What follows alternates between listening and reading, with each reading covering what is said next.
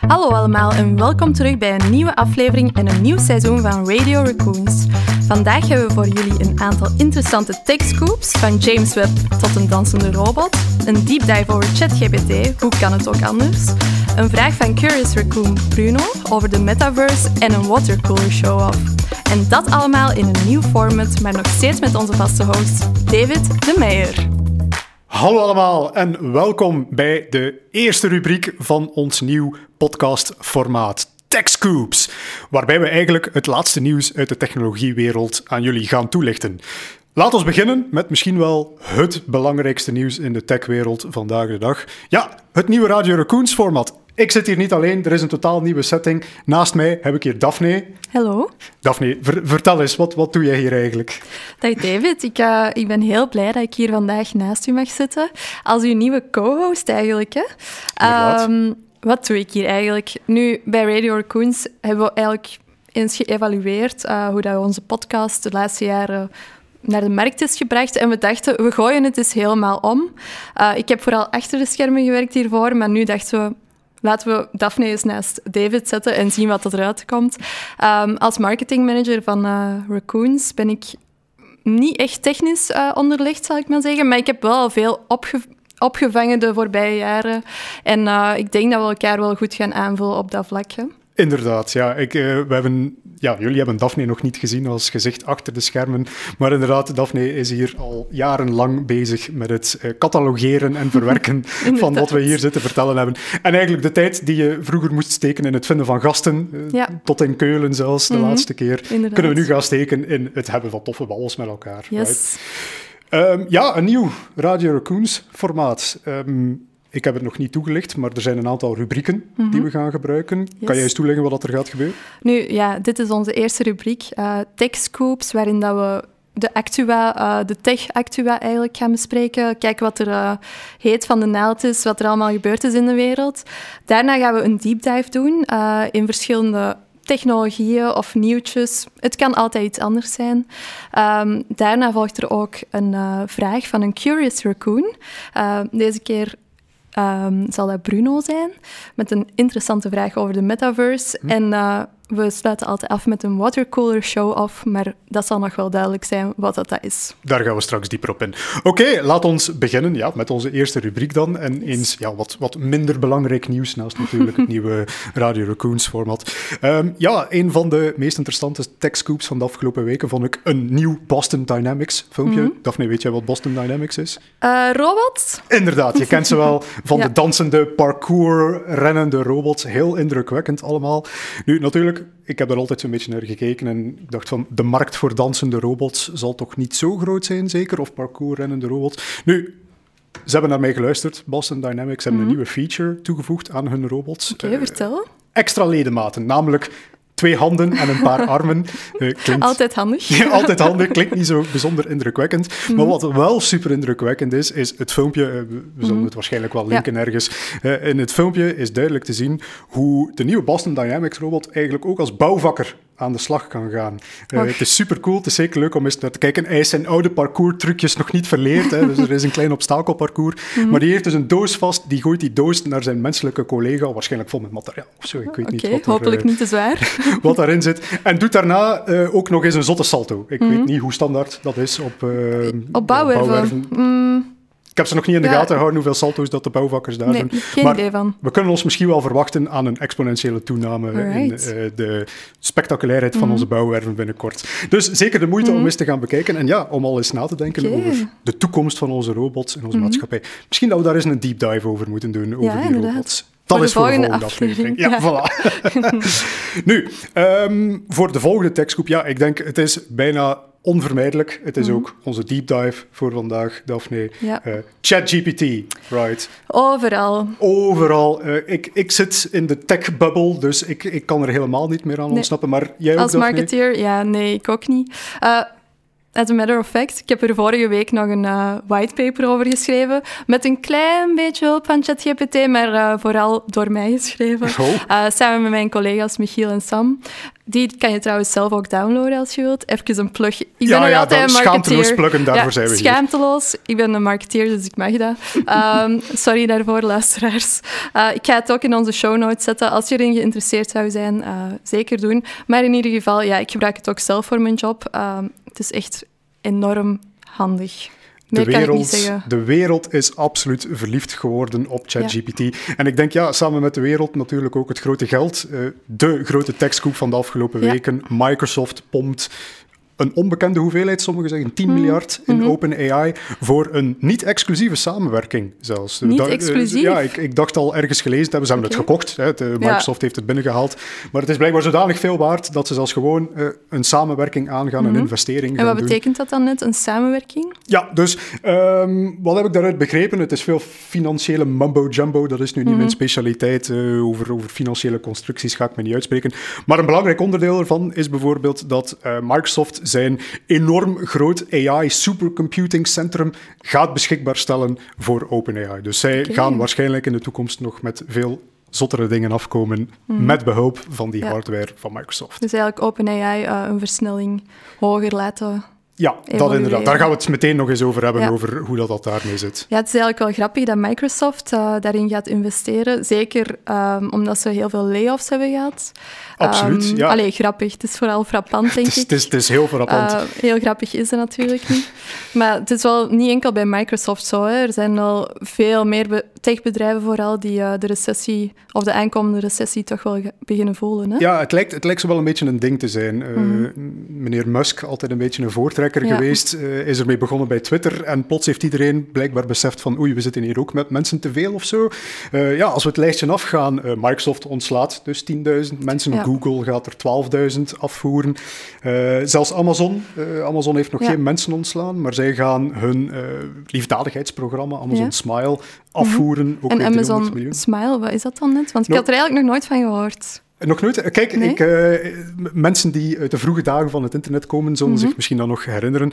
Maar Amazon Smile um, was dus een manier waarbij dat je eigenlijk gewoon in plaats van door je producten op Amazon.com te mm -hmm. kopen, ja. door te surfen naar smile.amazon.com, ja. dan ging er een klein onderdeel van elke aankoop dat je doet naar het goede doel. Ja. En dat gaan ze nu afvoeren. Ja, uh, Amazon en, het, en, een goed tool, dat is soms uh, wat, wat ja, moeilijk. moeilijk Jeff, Jeff, Bezos zal daar een veto over gesteld hebben waarschijnlijk. Ja. Uh, maar dat gaan ze dus volledig afvoeren met het excuus dat ze met hun 300 miljoen die ze in goede doelen stellen, te dun verspreid waren. Dus 300 ja. miljoen, dat was, dat niet, niet genoeg, genoeg, impact op de wereld en daarmee okay. stoppen ze er maar volledig mee. Alright, jammer, want ik had er nu eindelijk van gehoord. Ik Kijk, zou het wel het gebruiken, denk ik. Het is te laat, uh, inderdaad. Ja, heel leuk, laat. trouwens. Heel dat uh, charity-programma, mm -hmm. des te frappanter dat ze het afvoeren natuurlijk, was volledig budgetneutraal. Ja. Want door dus te surfen naar smile.amazon.com, ga je niet via Google mm -hmm. en moet Amazon geen centjes betalen aan Google voor de doorverwijzing. Ja. En het was dat geld eigenlijk dat ze dan in de goede doelen gingen gaan pompen. Het is echt wel jammer dat ze dat niet meer doen dan. Heel jammer, ja. inderdaad. Dus uh, de centjes zullen ze nu, denk ik, gewoon in, in hun eigen zak steken. Ja niets aan te doen. Dat, zo is het in de techwereld. Ja, ja het uh, goede en slechte dagen in de techwereld, ik denk, dat kennen we allemaal mm -hmm. ondertussen wel. Uh, wie alleen maar goede dagen heeft de mm -hmm. laatste tijd, zou ik durven zeggen, ons laatste techscoop, ja. ik denk ook een beetje in de technologie- en wetenschapswereld, ook iets waar je helemaal niet omheen kan, is de James Webb-telescoop. Ja, prachtige foto's. Prachtige foto's, maar ook heel veel fantastische data. Ja, ja ik, ik, ik heb ontelbaar veel nieuwsartikelen zien passeren over een nieuwe ontdekking van James Webb-telescoop. Sommige al interessanter dan andere. Mm -hmm. uh, we zijn nu met James Webb-telescoop op zoek aan het gaan naar exoplaneten. Exoplaneten, okay, buiten cool. ons zonnestelsel. Mm -hmm. dat, dat kon al langer. Maar nu kunnen we zelfs ook gaan te weten komen welke stoffen er in de atmosfeer van die exoplaneten zitten. En dat kunnen ze allemaal ontdekken via die telescoop dan? Ja, ja. de telescoop geeft zodanig goede data dat ze zelfs met een heel ja, klein raam van observatie toch heel veel data kunnen te weten komen. En ja, er zijn er dus veel die zeggen van kijk, de, de, de zoektocht naar het leven buiten ons zonnestelsel is nu pas goed begonnen. Dankzij James Webb Telescope. We gaan planeten afschuimen en hopen dat daar nog eh, aliens tussen Wat zitten. denk jij, David? Zijn er aliens? Het, het moet bijna wel. Het moet bijna wel. En de, ja, de grote hoop om die aliens te vinden is dankzij broeikasgassen. Dus hopelijk zijn die aliens even eh, ja, verschrikkelijk met hun planeet als wij. En dan kunnen we dat zelfs van op grote afstand gaan Of detecteren. hopelijk niet, en dan kunnen we er wel iets van leren. Eh, ja, maar dat gaan we ze ook nooit vinden. Dus Ah, het, is, het is een beetje moeilijk. Het is een beetje moeilijk. Eh, Ja. dus James Webb Telescope, ja, die doen van alles. Het oudste ehm melkwegstelsel is ook ontdekt met de hulp van James Webb Telescope. Wow. Een nieuwe teles, eh, nieuw record dat ze daarmee gevestigd hebben. En het, komt, het wordt eigenlijk zelfs zodanig erg dat ik een artikel tegengekomen ben over astronomen die klagen dat er te veel data uit James Webb Telescope Oei. komt. Ja, zo met een vriendelijke vraag om wat Ja. meer, minder data. Dat is tot 50 gigabyte aan data per dag dat James Webb Telescope naar ons doorstuurt. Jezus. En dan moeten onze arme astronomen daar maar Ja. iets mee gaan doen. Klinkt misschien als een AI-taakje. Ja. Misschien eens een we- mailtje sturen. Ja, we zullen dat eens laten weten dat daar, eh, dat daar wel opties voor zijn. Yes. Voilà, Dat waren- Daphne, dat waren de grote tech-scoops van Alright. de voorbije weken.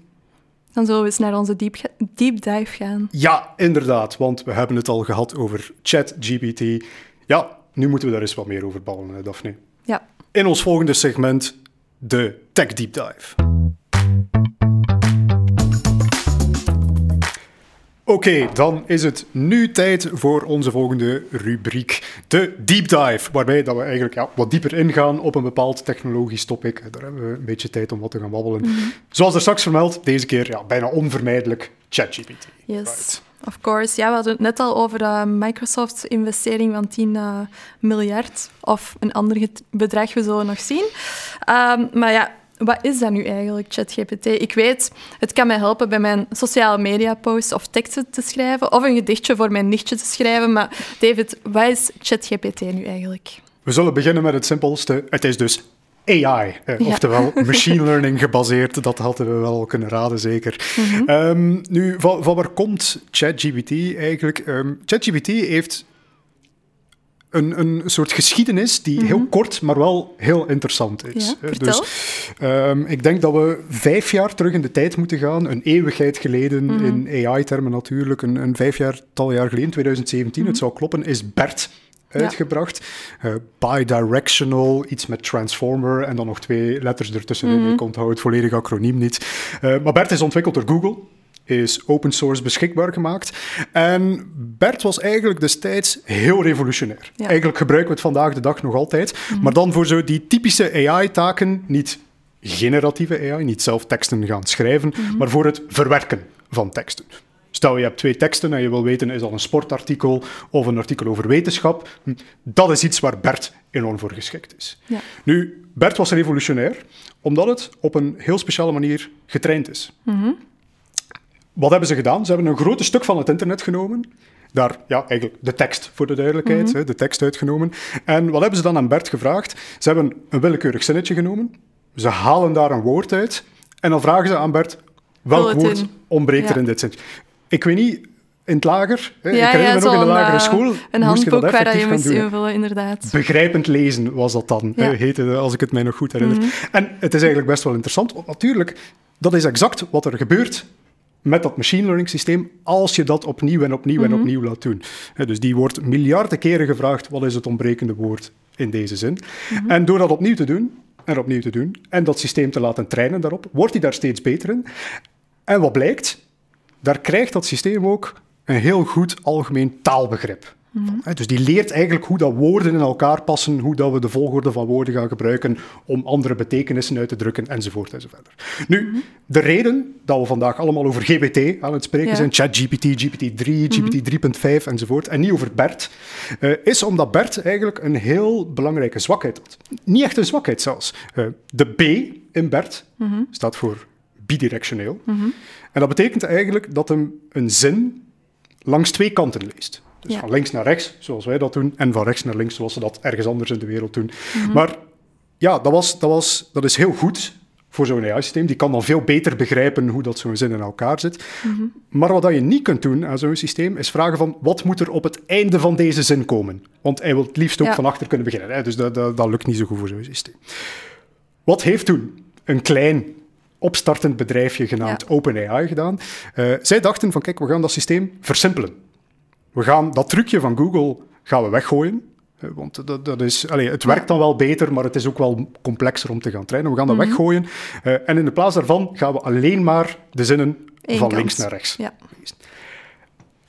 En wat bleek toen als een soort interessant fediverke? Ze waren daar niet naar op zoek voor de duidelijkheid. hè? Mhm. Dus zij wouden eigenlijk gewoon een kopie maken van Bert. Hè? Iets, iets dat ongeveer even goed werkt voor dezelfde taken. Mhm. Maar wat was toen een interessant fediverke? Namelijk dat als je zegt van... Ja, ik typ een aantal woorden. Wat is het volgende woord? En je doet dat opnieuw en opnieuw en opnieuw en opnieuw. Ja. Dan begint dat ding semi-coherente zinnen te schrijven. Mhm. We spreken nu, ja, een jaar of vier geleden, de originele versie. Zo oud. Ja. In AI-land. In AI-termen inderdaad al best oud. Maar, maar ja, dus vier jaar geleden de allereerste versie van GPT. En toen was dat eigenlijk nog een interessant curieus. Mhm. Maar OpenAI is steeds grotere modellen beginnen maken. En ja, want we zitten nu al aan 3 in plaats van 1. We zitten zelfs al aan 3,5. Ja. We, hebben, we hebben, ze hebben een aantal updates doorgevoerd, ze hebben daar mhm. een nieuwe versie aan gegeven. En dus ja, wat blijkt door die systemen steeds groter en groter te maken, um, wordt dat systeem ook steeds beter in het genereren van mhm. coherente teksten. Ja.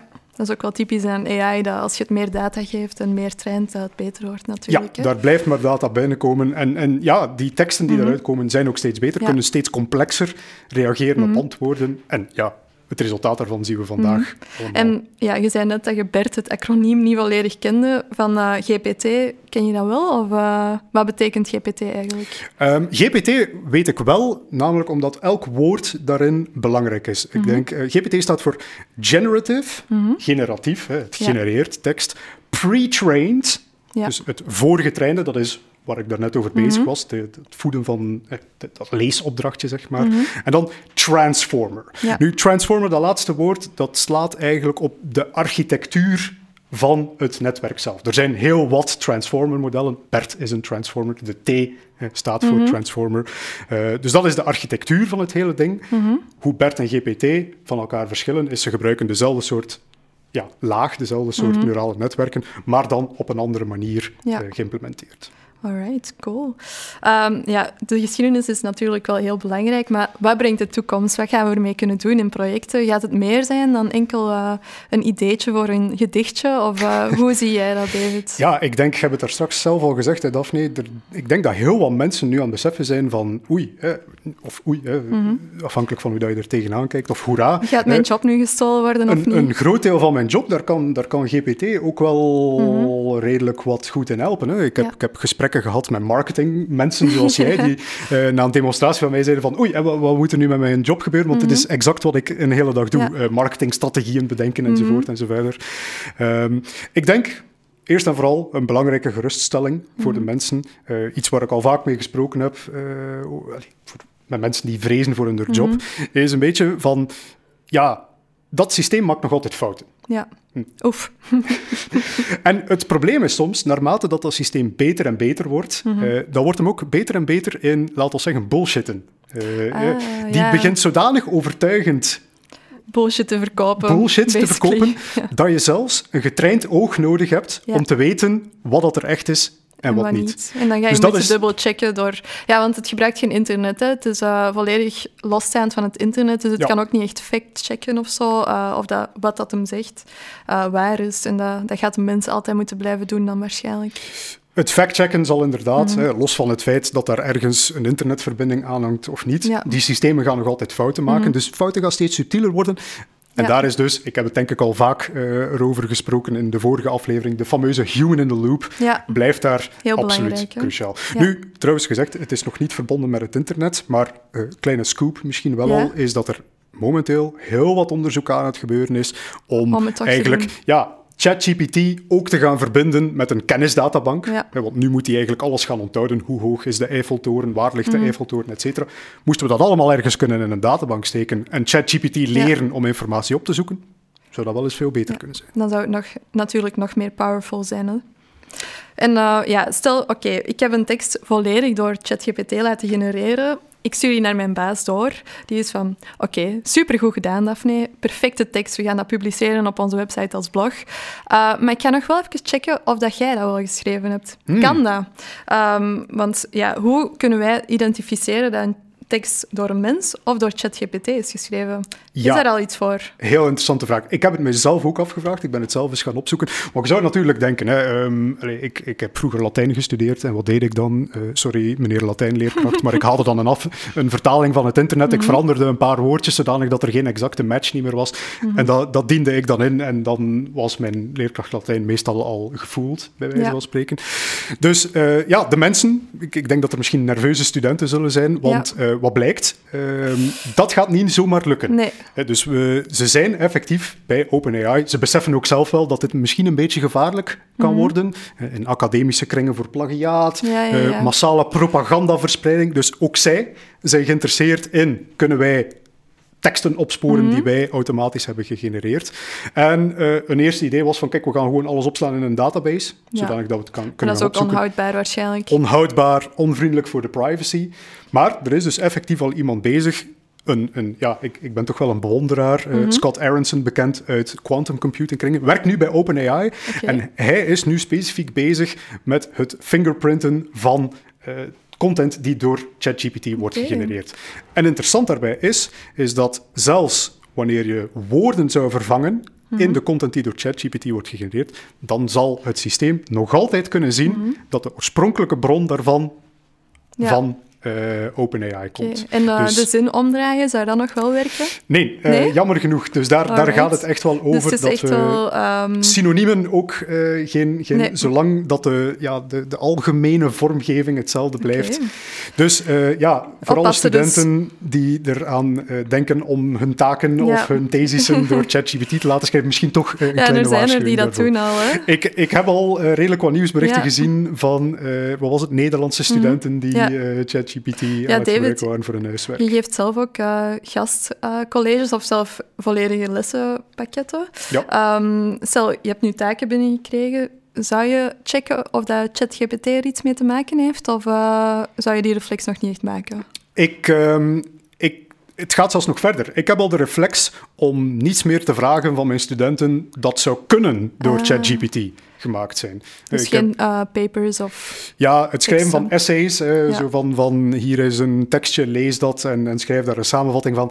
Mhm. Eh, ik vrees dat die tijden toch wel een beetje passé zullen Mhm. gaan zijn. Ik, ik denk zelfs dat we eerder gaan toegaan naar van hier is een tekst geschreven door ChatGPT, fact-check deze tekst Ja, eens. Dus dat wordt misschien een hele leuke Mhm. uitdaging in de toekomst. Maar eh, ja, ik, ik hou daar nu al rekening mee. Ik, ik, ja, zonder die tool, zonder de wiskunde, Mhm. kan je gewoon niet bewijzen eh, dat die tekst van ChatGPT Ja. afkomstig zou zijn. Ja, Maak dat maar eens hard. Soms uh, dan zie ik op sociale media wel eens een uh, postje dat ik denk van, hmm, volgens mij zit er hier iets van ChatGPT uh, tussen, maar ja, je kan het inderdaad niet hard maken hè, op dit moment. Ja. Um, maar goed, dank u wel David voor uh, de uitgebreide uitleg over ChatGPT. Ik heb weer iets bijgeleerd en ja, ik, ik denk dat het ook wel belangrijk is om te kaderen dat ChatGPT niet de enige technologie is die zo interessant is hè, in dat generatief AI-landschap.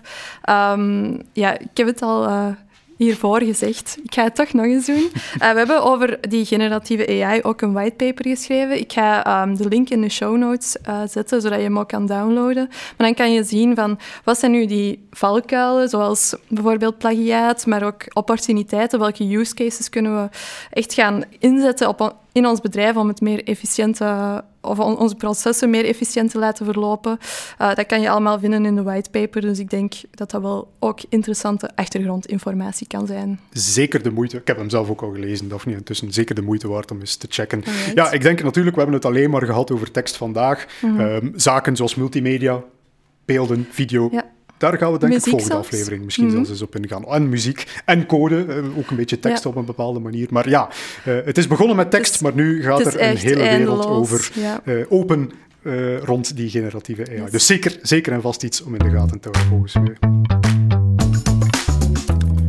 Oké, welkom dus bij de rubriek The Curious Raccoon. Misschien eerst nog een kleine inleiding, Daphne, voordat we beginnen. We hebben hier een gast bij ons. Wat gaat er gebeuren precies? Inderdaad. Uh, elke aflevering laten wij eigenlijk een gast aan het woord uh, die een vraag mag stellen over technologie.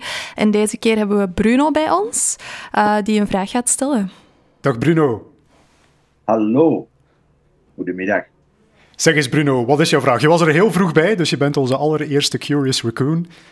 Met nu zijn we heel benieuwd wel met heel veel plezier. Nee, het is een, uh, ontzettend boeiend om jullie en ook anderen te volgen in die fameuze ontwikkelingen van de metaverse. Maar een van de meest praktische problemen die ik bij veel van mijn klanten tegenkom, en dat zijn dan toch wel iets kleinere KMO's, dat is hoe begin je daar nu aan? En dan vooral op vlak van hardware. iedereen kent wel een eh, VR-bril, maar de welke moet je nu kopen? Uh, er zijn zoveel namen van zowel de gamers als natuurlijk uh, Meta zelf met Oculus. Um, het, het, lijkt me heel moeilijk voor een gemiddelde Vlaamse KMO om daar door het bos de bomen te zien. Zeer, zeer, Zeer goede vraag, Bruno. Ehm, om, om daarop een antwoord te bieden, ik denk een van de belangrijkste opmerkingen dat we daarbij kunnen maken, is zeker en vast dat metaverse nog een heel nieuwe technologie is. En we bevinden ons wel een beetje op een interessant punt, denk ik, in de evolutie van die technologie. In de zin dat er meerdere fabrikanten zijn die allemaal aan het proberen zijn om een volledig ecosysteem te gaan creëren. En, en dat maakt die keuze natuurlijk wel wat moeilijker, hè? Want, want niet alleen moet je dan kiezen voor de beste hardware, maar dan ook nog eens kiezen voor de hardware die hopelijk in de toekomst het beste platform, het beste ecosysteem, de beste software gaat hebben. Dus ja, hoe, hoe maak je dan precies zo'n keuze? Ik denk het meest eenvoudige antwoord dat we vandaag kunnen geven is, je hebt de naam inderdaad al vernoemd, dat is door te kijken naar Meta en Oculus. Um, Simpelweg, het is eigenlijk een hele simpele reden. Niet mhm. zozeer omdat ze de beste technologie hebben, misschien wel, daar ga ik me niet over uitspreken. Maar eigenlijk vooral omdat ze het meeste te verliezen hebben. Uh, ik, ik, weet bijvoorbeeld, Google is daar heel berucht voor. Hè. Ze proberen heel veel zaken, maar als het niet lukt, eh, jammer, eh, dan wordt het afgevoerd na een aantal jaar en, en er is geen kindje dood.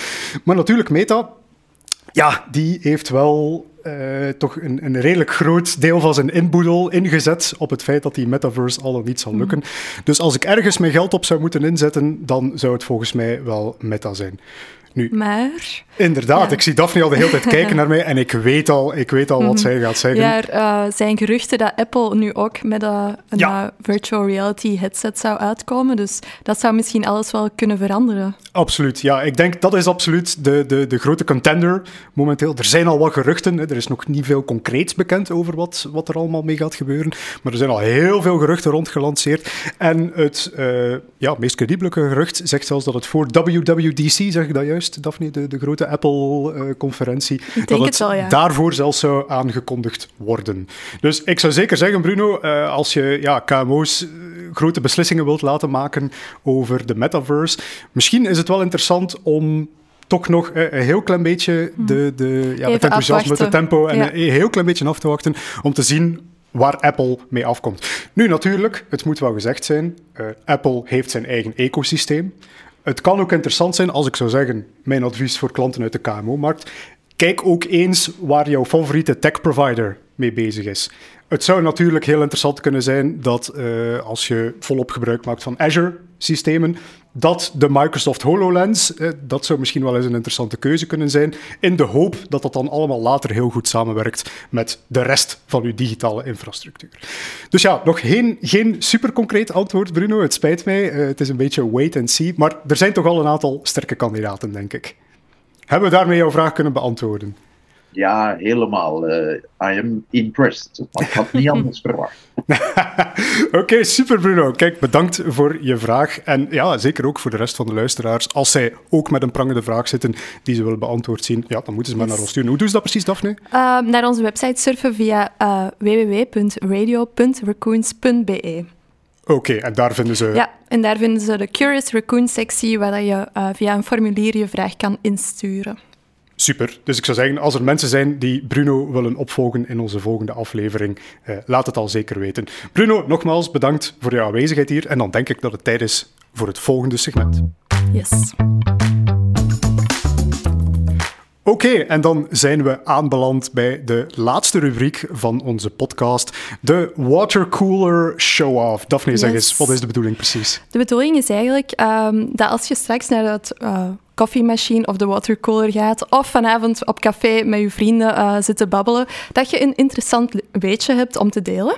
Oké, interessant doen, dat is mijn specialiteit, Daphne. Yes. Dus ik heb een weetje klaar voor jou. Ben je klaar? Ik ben er helemaal klaar voor.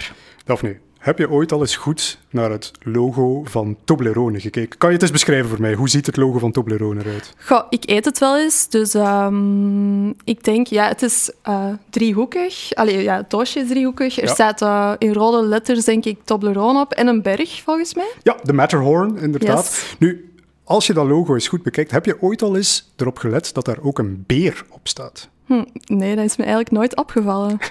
Blijkbaar, en het is dus ook expres, dus mm -hmm. er staat ook een beer op het logo van Toblerone. En eens dat je het gezien hebt, ga je het altijd zien en moet je aan iedereen ook vertellen van kijk eens goed naar het logo mm -hmm. van Toblerone. Nu, dat is blijkbaar altijd de bedoeling geweest. Dat verwijst naar Bern, de stad van de beren, waar het destijds allemaal begonnen is voor Toblerone. Ah, okay. uh, maar dat is onlangs terug viraal geworden en wel om een hele leuke reden, Daphne. Oké, okay, vertel. Blijkbaar heeft iemand een computer vision algoritme getraind om dieren te herkennen.